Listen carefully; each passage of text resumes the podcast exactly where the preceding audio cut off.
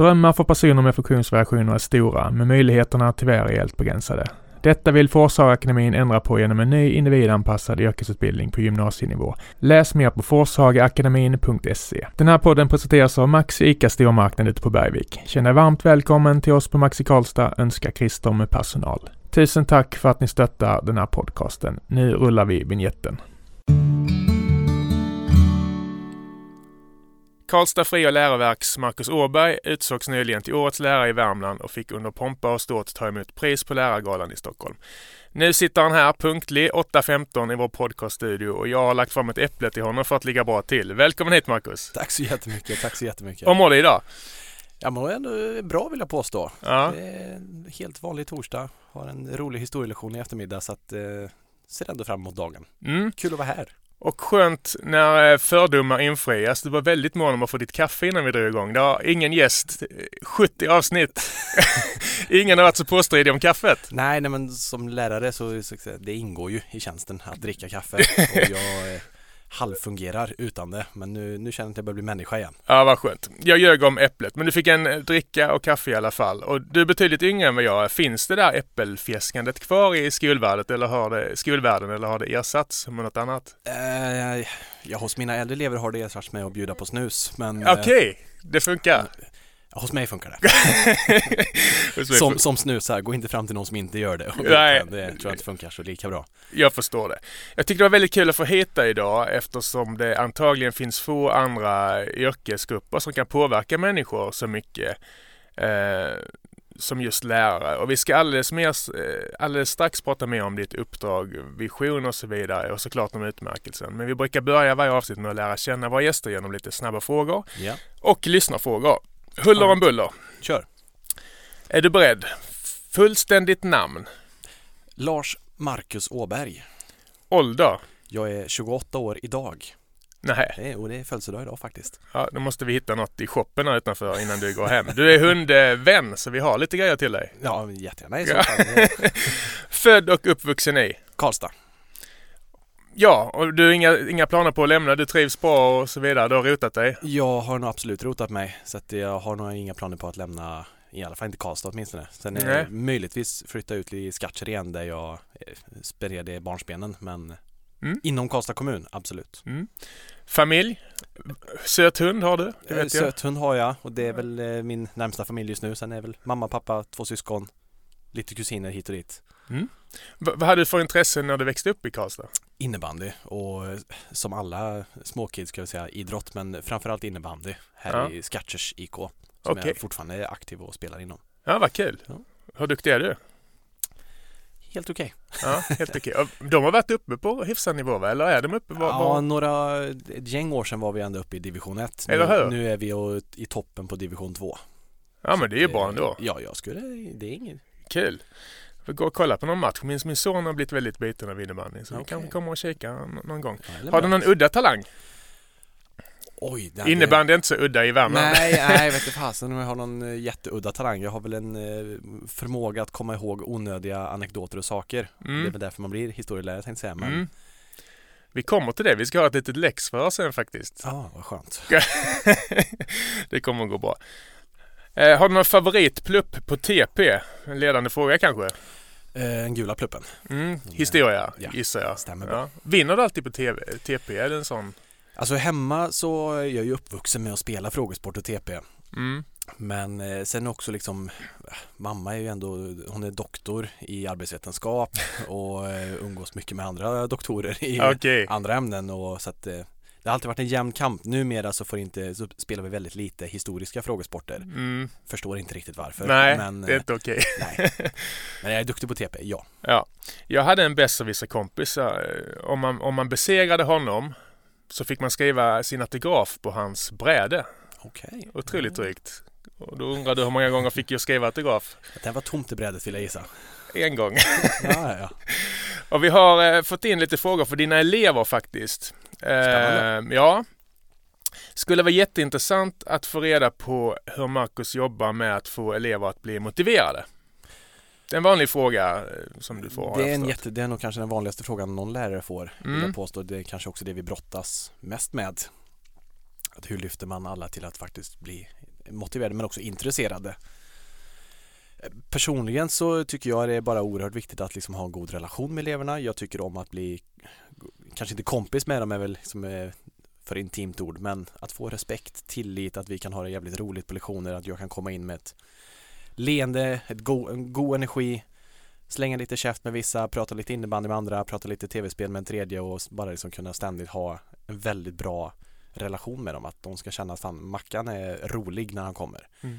Det är inte bara sitta upp och rätt upp och ner och läsa en bok i tre timmar utan Mackan försöker göra någonting kul, han skämtar, han drar bra historier, han Jag försöker vara levande helt enkelt, en människa Tror du att det är en fördel att du är fortfarande ung för att vara lärare?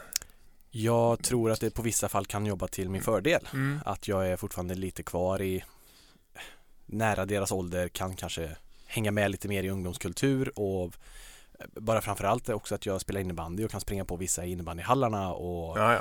de kan nog känna någon slags Det en connection där. Precis. Ja. Du går inte in med bakvänd keps och spelar Pokémon? Eh, nej, det skulle, skulle jag kanske inte påstå men jag går inte heller in med manchesterkostym och, och sätter mig bakom katedern. Men det luktar kaffe sa du? Det är oh bra. Oh ja. Lite ska vara som det brukar vara. Vad är det sämsta, oj en stor fråga här. Vad är det sämsta respektive bästa med skolsystemet idag enligt dig? Alltså det, det bästa enligt mig är faktiskt den ganska stora friheten som vi har utifrån kursplaner och skollagar att organisera och styra våra egna kurser relativt fritt i utformning av examinationer, utformning av material, vad jag tycker är intressant. Det finns inga detaljstyrda planer. Men det är också den stora nackdelen att ibland är det skönt att veta mm. exakt det här vill Skolverket att de ska lära sig. Exakt det här kanske är viktigast för dem att lära sig. Det är speciellt jag som ganska ung och relativt ny lärare skulle uppskatta ibland lite handhållning. Är det lite, lite vilset i, i några år först när man är ny eller? Vilset och vilset, det är väl mer att du försöker hitta dig själv och din mm. egen lärarstil och din eget sätt att arbeta på som jag får hoppas att jag på något vis har lyckats med men i vissa fall så behöver man ju gå och fråga kollegor som har jobbat 10-20 år längre än att du, hur, hur fasen gör jag det här på mm. bästa sätt? Har du några bra idéer? Så att det, eh, det bästa med skolsystemet är absolut friheten men det är också en av de stora bristerna i att du kan tappa kvalitet utifrån eh, vad du själv är intresserad av ifall du får undervisa i kurser som du kanske inte brinner jättemycket för. Just eh, mitt historieämne brinner jag väldigt mycket för och mm. försöker arbeta ständigt med att utveckla den kursen men det finns ju såklart ämnen som är jag är mindre självsäker i så att mm. säga.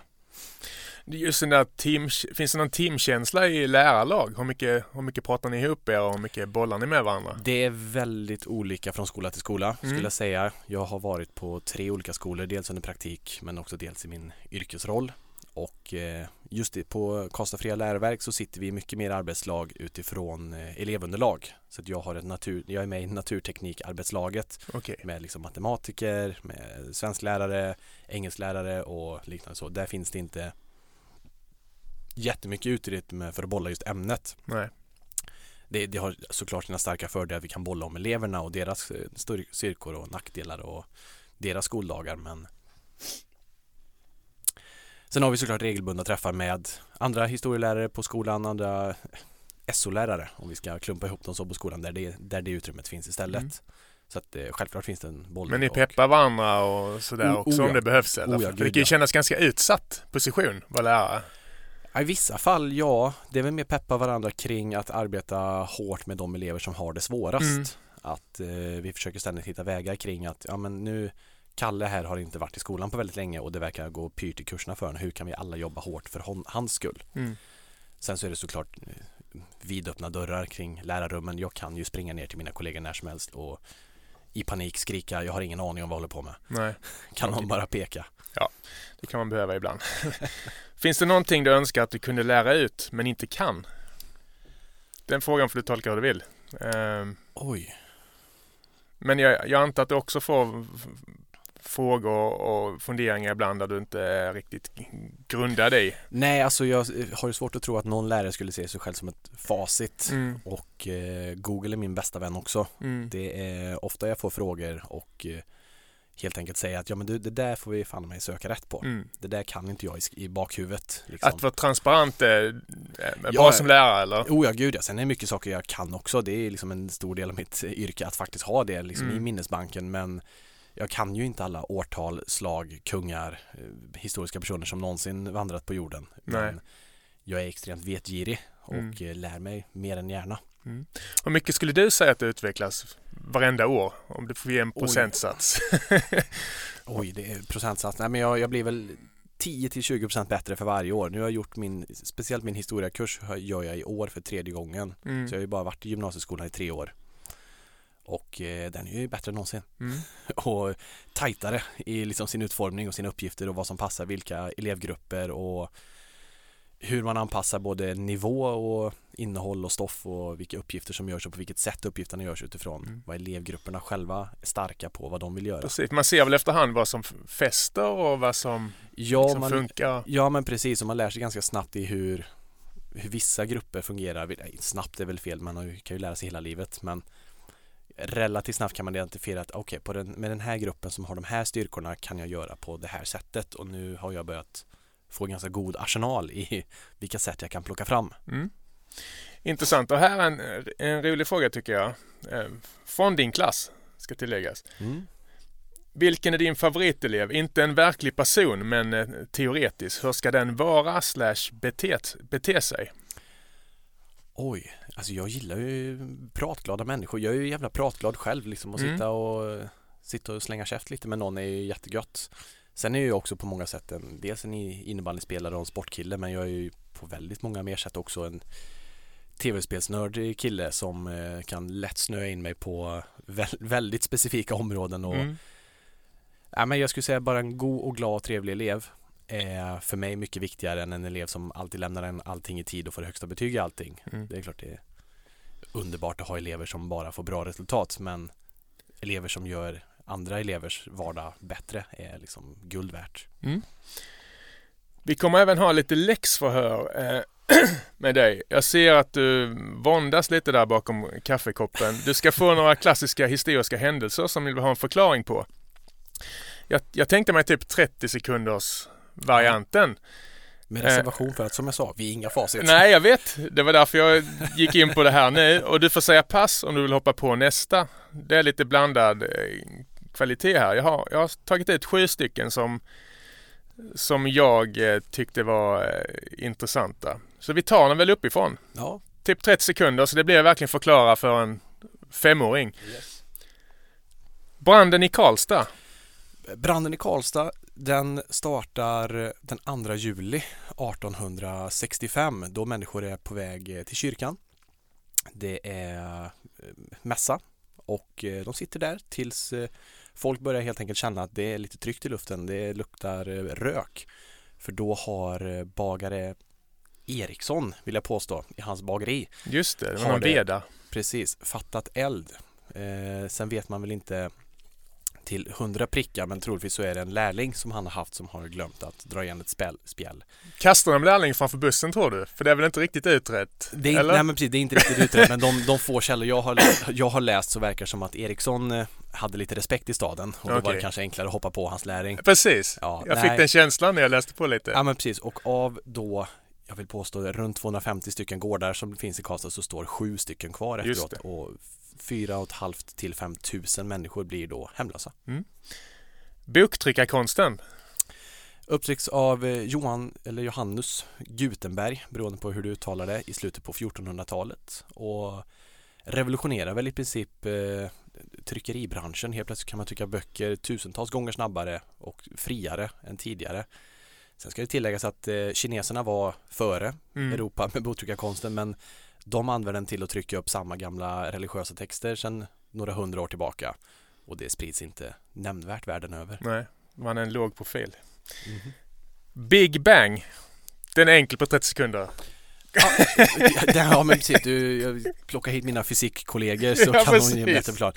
Nej men det är väl eh, universums början. Mm. När allting går från att vara ingenting till att vara allting. Mm. På eh, bara några få sekunder så har varenda Varenda ämne på vad heter det, periodiska systemet skapats och planeter skapas och gas skjuts runt och sen så är allting bara jättevarmt och jättenära i några miljarder år. Nej, snyggt. Det var en liten fuling där, för det är precis gränslandet. Norrmalmstorgsdramat. Nu var det ju några månader sedan man såg serien Clark. Mm. och är inte jätteinläst på det ska jag ändå påstå. Någon, någon kommer säkert rätta med något årtal så jag kommer inte gissa på något årtal. Jag säger på 80-talet. 70 tror jag. 70-talet. 70. Ja, du ser till och med direkt. Tar vi pass på den. Tar vi pass på den. Då går vi in på bekvämare här. Slaget vid Lützen. Slag vid Lützen är 1632 då de svenska trupperna är nere i det 30-åriga kriget. Ett eh, religiöst krig mellan katoliker och protestanter och svenska Gustav II Adolf har ställt, eller lejonet från Norden som han kallas då, har ställt Sverige på protestanternas sida och hans häst Streif skenar iväg från trupperna och helt plötsligt mitt i dimman så befinner han sig bland massa tyskar Mm. och blir då nedskjuten på slagfältet. Hans häst finns fortfarande kvar uppstoppad på eh, Livrustkammaren i Stockholm. Är det sant? Om man vill gå och titta på den. Har du varit och kikat? Nej, tyvärr inte. Har inte haft eh, tid och möjlighet. Nej. Men vill jättegärna se. Om du börjar dejta så är det sådana grejer du kommer göra eller? eh, jag, då får man hänga på museer och lyssna på mig tjata i oändlighet. Ja, Ja, skottet i Sarajevo. Skotten i Sarajevo är när... eh, Är det skotten? Ja, eller skottet. Förlåt. Ja. Nej, jag blev bara osäker. Förlåt. Ja, nej men jag, jag vill påstå att skottet är korrekt. Ja. Ärkebiskop, nej inte ärkebiskop, eh, kronprins Frans Ferdinand av Österrike-Ungern är på en liten turné i Serbien. Därför att de vill jättegärna annektera landet, eller det är i princip redan annekterat och en del av Österrike-Ungern. Och eh, den anarkisten eller svarta, nu minns jag banne mig inte vad det terroristgruppen han är med i heter. Men Gavrilo Princip, Ja, favoritnamn på TP. Oh ja. Gavrilo, Gavrilo Princip. Han är jävla trött på prinsen Ja. om man ska säga så. Så han bryter sig igenom folkmassorna och eh, avlossar ett skott in i bröstkorgen på honom. Något som eh, vi historiker skulle säga är startskottet på det första världskriget Exakt. som kommer regera i, eller vara i fyra år senare från Mm. 14, 1914 till 1918. Då gör vi en radioövergång och går in på, tror jag, slutet på ett krig. Eh, Västfaliska freden. Sista. Oj, Westfaliska freden, det är väl slutet på eh, 30-åriga kriget. Exakt, det är allt jag vet. 1648 Mm, vill jag påstå. det tror jag också. Då i princip man brukar säga att moderna Europa startar med moderna europeiska stater. Att efter det drar vi upp lite gränsdragningar och vi skriver lite traktat och avtal kring hur ska ett land vara, hur ska ett land fungera, vad är ett lands rättigheter och skyldigheter och framförallt gränser. Snyggt. Fy fan vad bra. Jag, jag hade en sista här. En liten slamkrypare. Ja, kör. Spinning Jenny. Eh, det är den första, den, pratade jag om senast igår Jaså? faktiskt på en lektion. För Då vi så. är inne i 1800-talet. Det är den första spinnrocksmaskinen, den automatiserade spinnrocksmaskinen som gör att vi kan nu sy kläder utan att det behöver sitta, ja vid den här tiden arbetade mest kvinnor då och sy ihop de här kläderna. 1780? Nej, Jo, något sånt. Slutet, 1770 kanske? slutet på 1700 andra halvan av 1700-talet. Jag har inte det årtalet i huvudet men när de första spinnrocksmaskinerna dyker upp i Storbritannien då tar ju de jobb från människor. Mm. Därför att nu behövs det en maskin på en, eller det krävs en arbetare på en maskin för att göra lika mycket som hundra gjorde tidigare. Så de bryter sig in i de här fabrikerna och bränner dem. Jaha, det mottogs inte jättebra. Nej, nej men precis på samma sätt som vi är oroliga idag över att robotar ska ta våra Oj. jobb. Det där var ju den första roboten som tog någons jobb rent Ja. tekniskt sett. Att på samma sätt som jag tror vi kan se demonstrationer när stora fabriker idag byter ut arbetare mot automatiserade robotar så var det där bokstavligen, de tog deras jobb. Eller när mina kollegor säger att jag behövs inte längre som skribent eftersom AI finns. Precis, Då kommer du och bränner ner stället. Ja, men jag fick känna på det förra veckan. Det var faktiskt lite stressande. men det, fantastiskt. Du får verkligen godkänt. Ja, tack så mycket. Det var Norrmalmstorgsdramat där. Du får läsa på lite då. Ja, den är, det, är, för, Men den är för modernt vet du. Ja, Det är ju knappt slut än. när går gränsen liksom när... För, Jag avslutar mina kurser med 9-11 okej. och eh, Irakkriget. från förra året. 2001. Ja men precis, ja och kriget mot terrorismen som liksom eh, Nu kanske man får behöva dra upp det lite och kanske avsluta med Obama eller något Mm. liknande men Runt Bush-eran Hur mycket fördröjning är det? Vad sa du? Hur mycket fördröjning är det ungefär? Alltså Ukraina-kriget, när kommer du börja prata om det till exempel tror du? Alltså Och varför är det fördröjning? fördröjning är det väl för att det finns ju också ämnet samhällskunskap Mm. Eh, Men sen kan du såklart prata ända in i nutid och in i framtiden. Du bör prata in i framtiden också. Hur kan det här påverka oss i framtiden? Men just apropå Ukraina-kriget. Jag avslutade min historiekurs förra året i januari med att vi såg filmen Winter on Fire som handlar om Majdan-revolutionen i Ukraina 2014. Mm. Och eh, då fick de instudiesfrågorna. Eh, hur tror du det kan bli i Ukraina? Mm. Vad kan tänkas hända i Ukraina? Okej. Och sen så gick det 20 dagar Ja. och sen så blev det krig i Ukraina. Mm. Och eh, två av mina elever gissade faktiskt rätt på det, att de trodde att Ryssland skulle gå in och vara mycket mer aggressiva. Mm. Så att jag var så pass nära att jag var 20 dagar innan i tid förra året när jag avslutade kursen och i år kommer jag behöva avsluta med Ukraina-kriget. Det Mm. det är inga, det För- måste man. Det glömde jag säga såklart. Du är inte bara historielärare, eller hur? Nej, jag, Samhäll och kriminologi, eller? samhällskriminologi och religion. Jaha, okej. Men kriminologi, alltså det låter ju superintressant. Det måste vara nytt. Eh, ja, nytt är det inte men det har blivit mer och mer populärt. Som boomer har jag aldrig hört det på... Nej, det, det, det, det, ingår i eh, kursen som kallas, kallas eh, humanistisk ämnesspecialisering. Okej. Kan, hur kan en lektion se ut där då? Just nu så jobbar vi med vad heter det, gängstrider och gängkrig i förorten. Mm. Så att vi har arbetat nära med min kollega Marcus Levin som har eh, sociologi. Där vi helt enkelt undersöker och försöker liksom komma till sans med genom dels brottsstatistik men också eh, vardagsartiklar, sociologiska teorier, kriminologiska teorier kring eh, varför händer det så mycket skit just nu Mm. i förorter? Varför sprängs det? Varför skjuts det?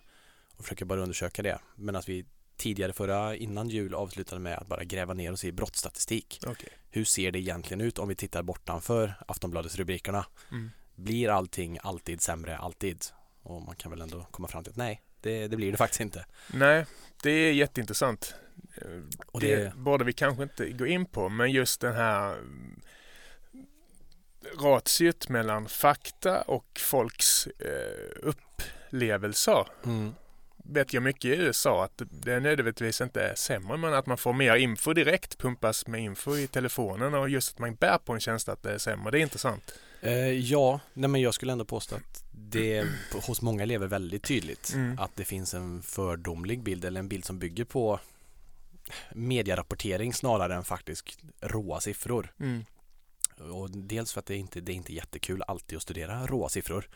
Kriminologiämnet har ju en del delar i sig som är bara, här är brottsstatistik, det är siffror och tabeller som statistiker har suttit och skrivit ner Mm. och nej det är inte så kul men vi kan ändå se den verkliga helhetsbilden istället för att du dagligen ska pumpas med ett mordförsök, en eh, ny våldtäkt, ett nytt sexuellt överfall, en ny skjutning, en ny sprängning. Mm. Ja, det, det, det är en halvtimme om vi öppnar den dörren. Ja, så vi, vi ja, går vidare. vi går vidare. Det är superintressant. Men det, det är en annan dag. Vi måste prata om din lärarkarriär. Då vill jag såklart veta först och främst. Hur, hur var du själv i skolan? Jag, jag tyckte jag var ganska duktig Mm. i de flesta saker. Eh, I, i allt utom franska brukar jag säga. Mm. Såklart. ja, nej men eh, franska var inte min starka ämne men utöver det skulle jag påstå att jag var eh, relativt väldigt ambitiös, speciellt i de humanistiska ämnena. Mm. Där tyckte jag det var jäkla roligt. Jag var politiskt intresserad, jag var historiskt intresserad, jag, det, liksom, det fanns eh, ja, alla ingredienser för att bli en bra samhällselev. Vägen var rak eller övervägde du några andra Ja, Jag har faktiskt, jag började direkt efter gymnasiet studera till grafisk designer. Mm. Och eh, sen både tröttnade jag på det och insåg att eh, fan jag är 21 och bor inte i Stockholm och har inga mediakontakter. Det här kanske inte är den vägen jag... Men det finns väl mycket re reklammässigt är väl Karlstad Ja men vi är... rankade som nummer två tror jag för några år sedan i alla fall. Det skulle jag också vilja påstå att vi är. Ja. Men eh, nej, det, det föll mig inte och då, och då var alltid nummer två och, och borde ha varit nummer ett. Det Mm. har mina vänner sagt till mig, fan varför blev du inte bara lärare direkt? Nu har du, Ja. spa, nu har du sparat två år och ganska mycket Ja. studieskulder på det. Vi behöver lite grafisk hjälp ibland. Ni kan väl jobba lite på, på helgerna också kanske? Ja men absolut. Jag skickar fakturan. Jag hör av mig. Men, men hur skulle du beskriva din stil i, i, eh, i klassrummet? Jag har ju förstått, vi kom in på det lite, att, Ja, att du intresserar dig för eleverna och... jag skulle säga väldigt avslappnad. Mm. Det, jag, jag tyckte själv inte om mina lärare när de var alldeles för fyrkantiga och allting bara skulle vara på deras sätt hela tiden och de var, vad man skulle säga, osköna. Mm. Jag försöker vara skön Ja. och försöka glida in och vara avslappnad, relativt tillåtande eh, och framförallt kunna vara bara god och glad. Jag försöker vara skämtsam, jag försöker koppla till moderna aktiviteter, jag försöker koppla till moderna företeelser som sker och försöka hålla mig rätt ajour med vad eleverna själva uppskattar och Mm. Bara vara en god och glad prick i deras liv för att när elever är glada och nöjda med mig då dyker de upp i klassrummen igen. Mm. Och dyker de upp i klassrummet så förhoppningsvis lär de sig någonting där. Men som jag sa i början så tror jag det finns få andra yrkesgrupper som kan har så stor påverkan. Jag, jag hade själv en sån lärare som jag ville göra stolt. Mm. Han gav mig beröm när jag inte var beredd på det och efter det kände jag att han, Mm. han vill jag vara till lag och liksom anstränga mig lite, Ja, lite extra för. Och det känns något liknande här att eleverna det hoppas jag. Jag, jag har ju precis samma historia som det. Min eh, samhällslärare är anledningen till att jag blev lärare från början. Nu gick han bort eh, för en och en halv månad här mm, och det var tragiskt. Men honom var ju exakt en sån person som jag såg upp till att fan, Thomas ska jag göra stolt. Han ska fan få se. mm, Och eh, jag har väl vissa elever som jag hoppas att jag kan nå igenom på det sättet. Bara ett par veckor sedan så gav jag en elev högsta betyg på en uppgift och eh, den här eleven skriver då till mig, är du säker? Säger, ja, jag är, jag är helt Jag är säker. säker. Jag, jag har gått igenom den och den är genomgående så jävla bra vad bara. fint ändå. Och hon säger, jaha, nej men tack så mycket. Ödmjukt. Ja, ja men lite så här, jag, verkligen ödmjukt så här, är fick jag det? Ja, nu, Ja. nu var du fan mig bra. Då är ska det du extra roligt. banne mig få veta att du är bra. Ja. Vad betyder eleverna för dig? Vad ger de dig? Främst. Jättemycket, jättemycket energi och bara en glädje att gå till jobbet och en glädje i, nu har jag lyxen att jag har bara de bästa eleverna. Mm. Alla mina elever är bästa elever nämligen. Så det, Fjäsk. ja, ja, men såklart. Nej men, eh, nej men de ger mig så jäkla mycket energi. De Ja. gör mig glada, jag kan glida in, jag bryr mig om vad som händer med dem i deras liv och hur deras vardag ser ut. Och jag är ju en stor del av deras vardag. Det finns vissa Mm. klasser som jag har sex timmar i veckan. Så att man träffar dem mycket intensivt och dessutom på mina villkor och det är liksom ett ansvar jag jättegärna förvaltar kring att nu sitter ni här i tre timmar i sträck Mm. på, liksom på min VIF och vad Mm. jag tycker att vi ska göra, vad jag tycker är smartast. Och eh, jag har ju inte alla svar. Nej. Så därför får vi fan hjälpas åt. Nej men bara en sån sak som att väldigt många i klassen har skickat in frågor till den här Ja, men det... Lilla podden. Ja, men, Det är jättefint, eller hur? Ja, det det är- talar ju ändå lite om engagemanget och så vidare. Och vi har snubblat, eh, snubblat vid ämne, snuddat vid ämnet tidigare, men alltså vad vill du att de ska ta med sig? Om vi tar det stora perspektivet, när, när de går ur, ut skolan, alltså vad vill du att de ska ha tagit med sig från dina lektioner främst? Då menar jag inte ren kunskap kanske, Nej men alltså som men övergripande. det handlar, det, det handlar även om att forma personer, eller hur? Lite grann, Ja. eller? Jag vill ju ändå göra dem till rimliga, kritiskt tänkande. Jag brukar säga till dem att mitt jobb här är att göra er smarta. Mm. Och det är ungefär det. Att vara smart innebär allting ifrån att eh, kunna vara ödmjuk och snäll mot sin, sin nästa men också att kunna se världen analytiskt och kritiskt. Och nu har jag bara samhällsämnen. Så jag är säker på att mina kollegor i mer praktiska ämnen eller mer eh, matematiskt tyngda ämnen skulle ha andra svar. Men jag vill ju att de ska kunna se jäkligt kritiskt på allting som händer runt omkring dem och tänka kort sagt vad, vad kan bli bäst för alla andra runt omkring mig Mm. och på det förhoppningsvis bli fungerande vuxna Mm. också. De är ju under 18 när de går ut och är vuxna och ska ha sina Precis. första jobb och första lägenheter och första fakturer. Nej, men just att se kritiskt och ifrågasätta. Alltså min, min son går i tvåan. Alltså han är Mm. åtta år och de har redan gått igenom lite källkritik och så vidare. Det är häftigt Ja. tycker jag. Ja, ja men precis. Så det är ju liksom där vi landar i att de här ska bli och sen som skolans hela uppdrag är att de ska ju vara sugna på att fortsätta lära sig hela Mm. livet. Någonstans så är man ju jag pitchar ju in mitt ämne Mm. varje vecka med dem att Det är bra. fan hörni, ni ska nog vilja fortsätta läsa lite historieböcker. Ja, Det är ju jävla spännande. absolut. Årets lärare har vi inte ens pratat om, vilket ju måste Nej. ju gått rätt in i, i hjärtat. Vad kände du när du fick nomineringen om vi börjar där? Eh, där- Är det verkligen rätt? Frågar du det? ja, alltså- Eller som hundtjejen som fick högsta betyg? Ja, nej men eh, dels så den nomineringen visste inte ens jag att jag var nominerad till. Därför att den måste ha gått till en eh, skolmail som jag inte var registrerad på längre. Jaha. Det, vilket betyder att i september då får jag bara ett mail där det står Ni är vinnare med Okej. en lång radda människor på namn jag inte kände till. Och då tänkte jag direkt att det här måste de ha blandat ihop med någon annan skola. Jag är, jag är, med, jag är med i någon mailtråd nu som jag inte ska vara med i. Nu är det som din elev. Den ödmjuka men, eleven. Ja men det var lite så att nej men det här är inte jag. Jag har ju varit lärare i vadå 15 minuter. Ja. Liksom inte... Men så grävde jag lite vidare och så säger i dokumentet bara nej men fan det är mitt namn och det här är skolan jag jobbar på. Det kanske det, det kanske är jag trots Mm. allt. Nej och då blev jag bara stolt, glad. Framförallt att det är eleverna som har nerat mig med fina Exakt. saker som det är den bästa lärare jag någonsin haft. Han har, får ämnet att verka intressant och roligt och jag säger ja, men det är ju det är ju precis det jag vill. Mm. det ska vara intressant och roligt. Så att, Det väger ju mer än att det sitter någon jury som Ja nej men precis, nu, nu sitter jag med i juryn till nästa års Ja, ja. blev jag invald till. Men just att få så fina ord från eleverna. Ja precis, jag, Det är ju de som ser dig dagligen. Exakt, det är de som det ska vara värdefullt för. Så att nej, jag blev bara, bara jätte, och lite förvånad. Jag tog ju liksom min examen förra året också. Mm. Jag fick mitt lärarlegitimation i bilen på väg till galan. Så att jag var, Är det sant?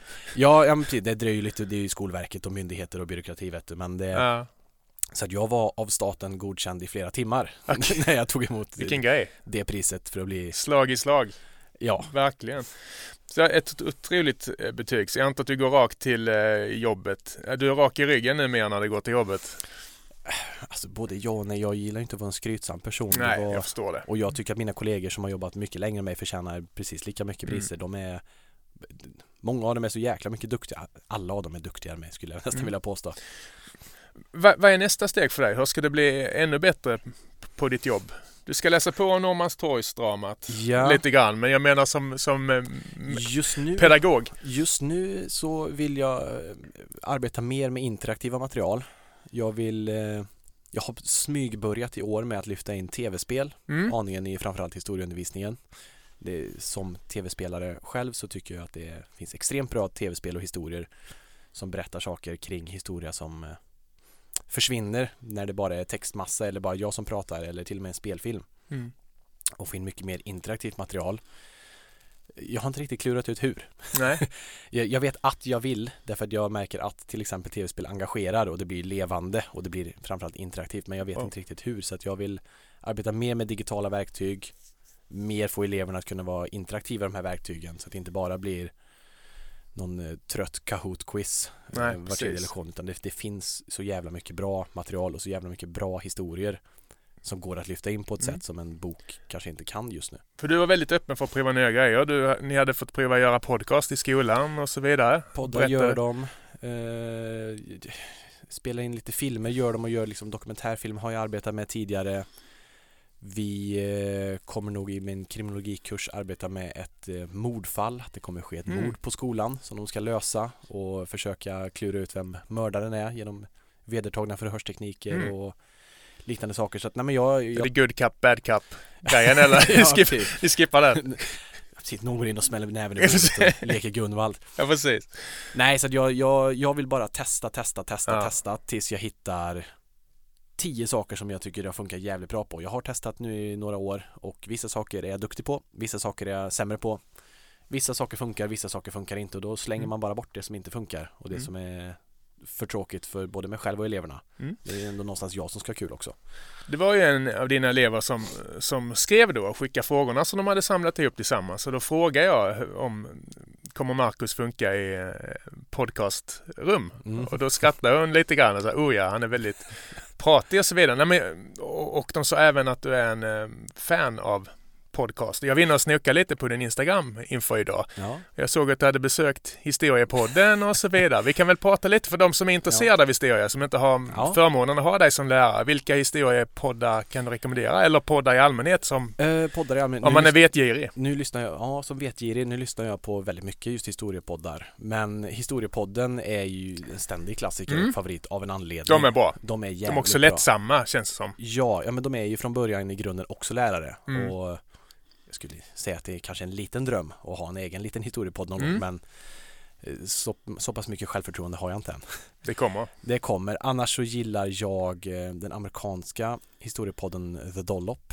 Du dollar. en av mina absolut favoritpodd någonsin. Två Ja. amerikanska komiker som läser absurda historiska anekdoter från amerikansk historia.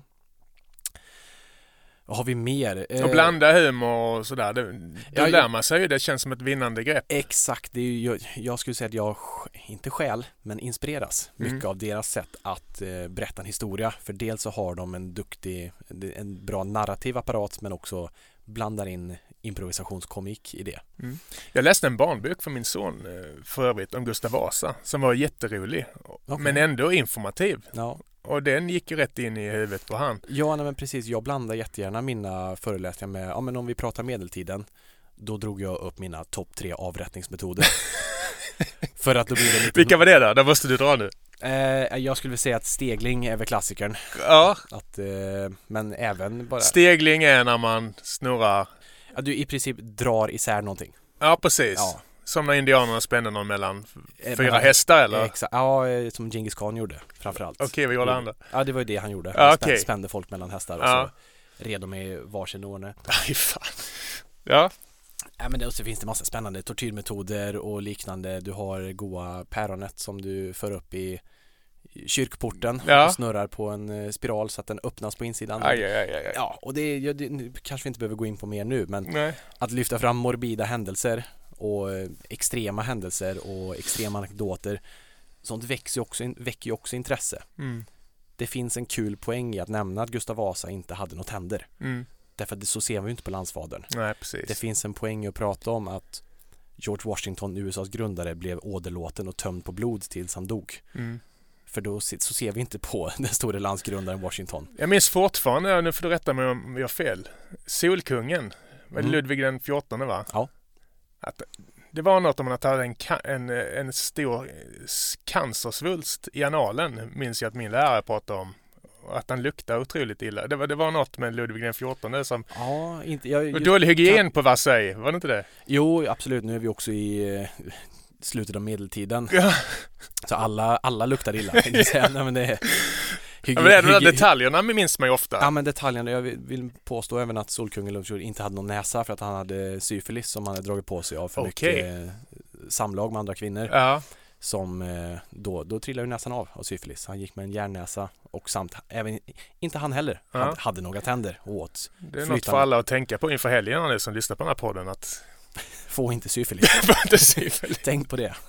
Ja, nej men just detaljerna, det gör Ja. mig dilemma. Det är samma när man, när man ska skriva roligt och så vidare. Att det är mycket detaljer som gör att det blir en kul historia. Ja, och det är lite så jag försöker dels föreläsa. Jag, jag, jag kan anta att de tycker att jag är en jävla snackis därför att jag tar ju ton och Mm. pratar gärna uppemot en timme. Mm. Och ibland så är det för länge, men det är för att jag spinner iväg. Och det är för att jag hittar, fan det här är ju spänn- spännande att prata om, det här känner jag ju till, det här Mm. kan jag med.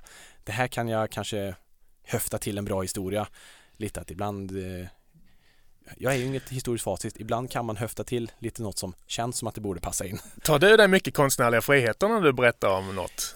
Inte, inte superstora konstnärliga friheter, det är ändå inom en rimlig kontext, men eh, att, för, att prata om någonting historiskt men sen sätta in fiktionella karaktärer i den historiska Mm. händelsen för att kunna beskriva att prata om en fattig familj under franska revolutionen. Jag känner ju inte till vilken familj jag pratar om men jag kan Nej. ändå beskriva den vanliga människans liv utifrån de historiska faktumen. Ja. Har, du någon favorit eh, historisk film eller dokumentär eller något du kan skicka med oss? Jag såg Utvandrarna nyligen på...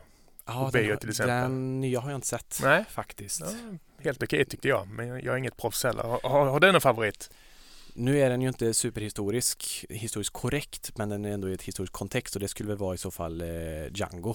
Django Unchained eller Tarantino i allmänhet. Ja just det, Inglourious- den har jag faktiskt inte sett men... Inglourious Basterds är väl inte riktigt historisk kontext när de spränger halva nazistledningen i en biograf. Så gick det väl absolut inte till men dokumentärer och annat liknande. Nej, jag gillar väldigt mycket dokumentärserien OJ, Made in America, Mm, fantastisk. som går igenom eh, rasförhållanden Ja. jämte O.J. Simpson-mordfallet Mm. från 30-40-talet och Mm. framåt i USA. Den är fantastiskt bra. Snyggt Marcus. Tiden går. Ja. Din elev hade rätt. Han är lättpratad den där Marcus. Riktigt väldigt trevligt att ha dig här. Och får du några idéer om att du vill göra någon podcast och så vidare, då står dörren öppen för dig här alltid. Ja, det är inga problem. Jag vill önska dig stort lycka till framöver. Tack för att du kom hit. Tack så jättemycket.